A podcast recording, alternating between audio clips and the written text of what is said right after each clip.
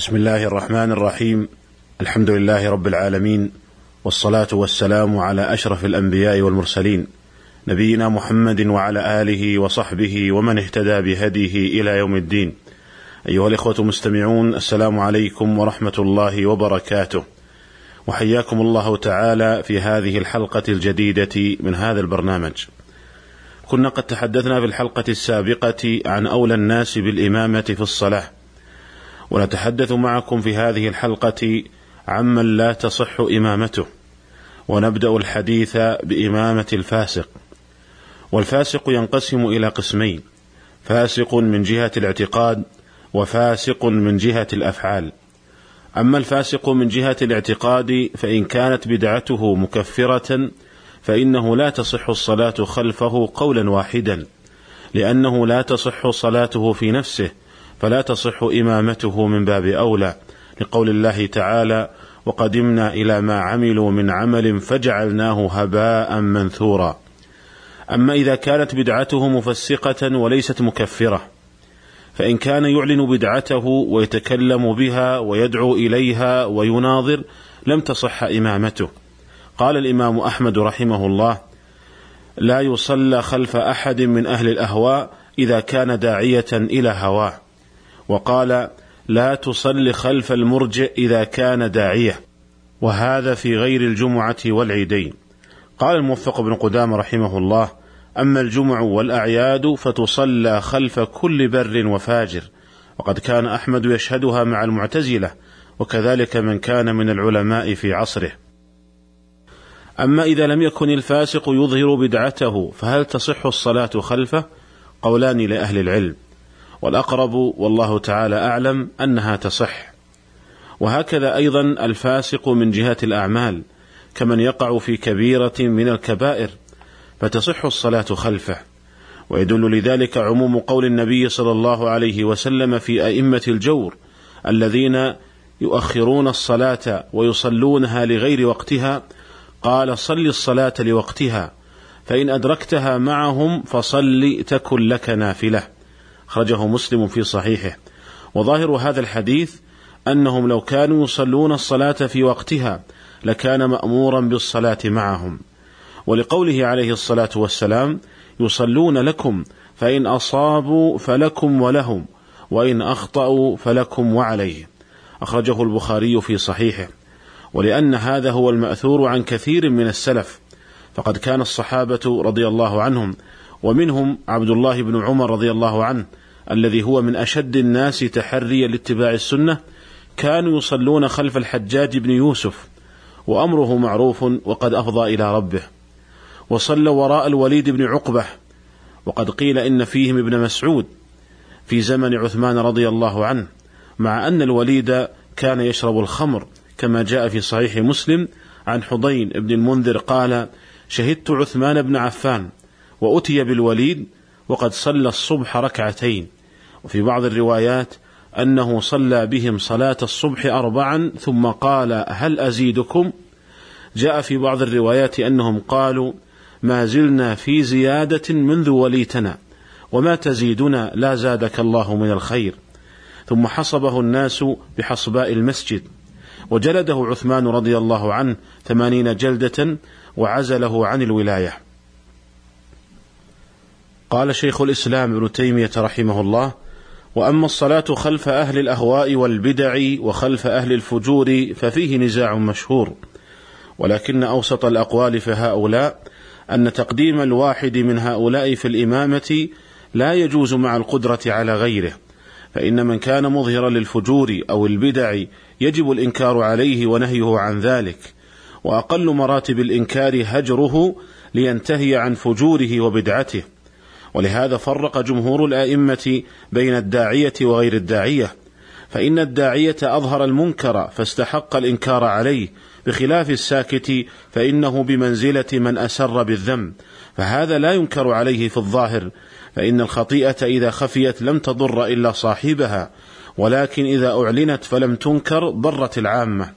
ولهذا كان المنافقون تقبل منهم علانيتهم وتوكل سرائرهم إلى الله تعالى بخلاف من أظهر الكفر. فإن لم يمكن منع المظهر للبدعة والفجور إلا بضرر زائد على ضرر إمامته لم يجز ذلك.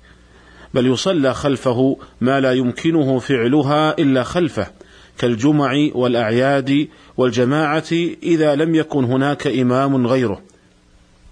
ولهذا كان الصحابة يصلون خلف الحجاج والمختار الثقفي وغيرهما الجمعة والجماعة فإن تفويت الجمعة والجماعة أعظم فسادا من الاقتداء فيهما بإمام فاجر لا سيما إذا كان التخلف عنهما لا يدفع فجوره فيبقى ترك المصلحة الشرعية بدون دفع تلك المفسدة. ولهذا كان التاركون للجمعة والجماعات خلف أئمة الجور مطلقا معدودين عند السلف والأئمة من أهل البدع.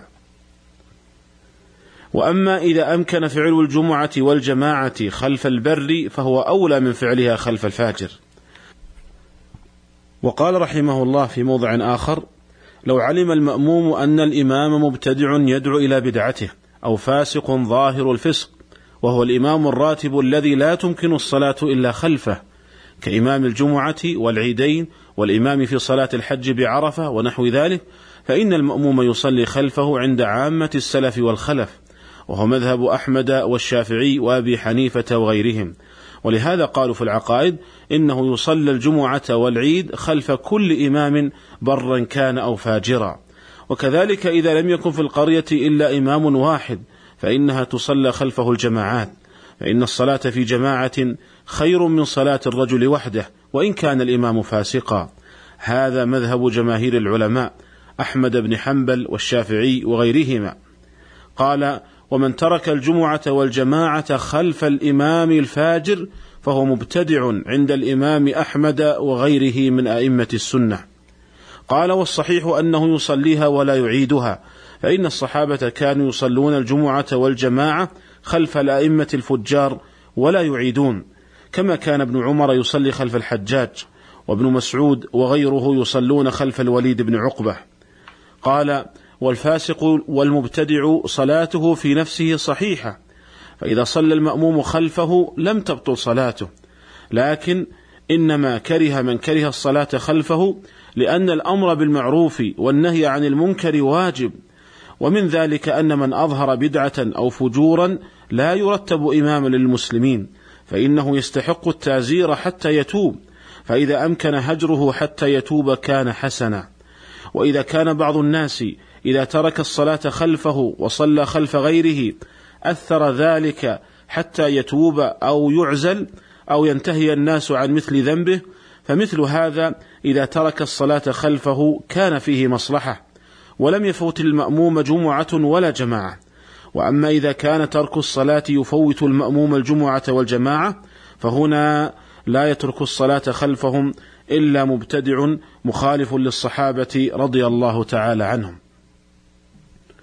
أيها الإخوة المستمعون، وننتقل بعد ذلك للحديث عن إمامة من به سلس البول، ومثله من كان حدثه دائما، كمن تخرج منه الريح باستمرار، أو استؤصلت بعض أمعائه ووضع له مخرج من أسفل البطن مثلا. فإن من الفقهاء من قال إن هؤلاء لا تصح إمامتهم إلا بمثلهم أي لا يصح أن يكون من به سلس البول لا يصح أن يكون من به سلس البول إماما إلا بمثله أي بمن كان به سلس البول كذلك. وهذا القول هو المشهور من مذهب الحنابلة. وذهب كثير من الفقهاء إلى أن صاحب سلس البول ومن حدثه دائم عموما تصح إمامته بغيره مطلقا أي بمن كان مثله وبغيره ممن هو سليم من هذا المرض. والخلاف في هذه المسألة راجع للخلاف في مسألة أخرى وهي ارتباط صلاة المأموم بالإمام. فمن الفقهاء من قال إنه لا ارتباط بينهما ومنهم من قال إنها مرتبطة بها وفرع عليها وأي خلل حصل بصلاة الإمام يسري للمأموم. والقول الثالث أن صلاة المأموم مرتبطة بصلاة الإمام لكن إنما يسري النقص إلى صلاة المأموم مع عدم العذر منهما. أما مع العذر فلا يسري هذا النقص. وقد حكى شيخ الإسلام ابن تيمية رحمه الله هذه الأقوال الثلاثة وقال عن القول الأخير هذا هو أوسط الأقوال ومال إليه. ولعل هذا القول الأخير هو الأقرب في هذه المسألة والله تعالى أعلم. وتفريعا على هذه المسألة أقول إن صاحب سلس البول ومن كان حدثه دائما إنه معذور في ذلك.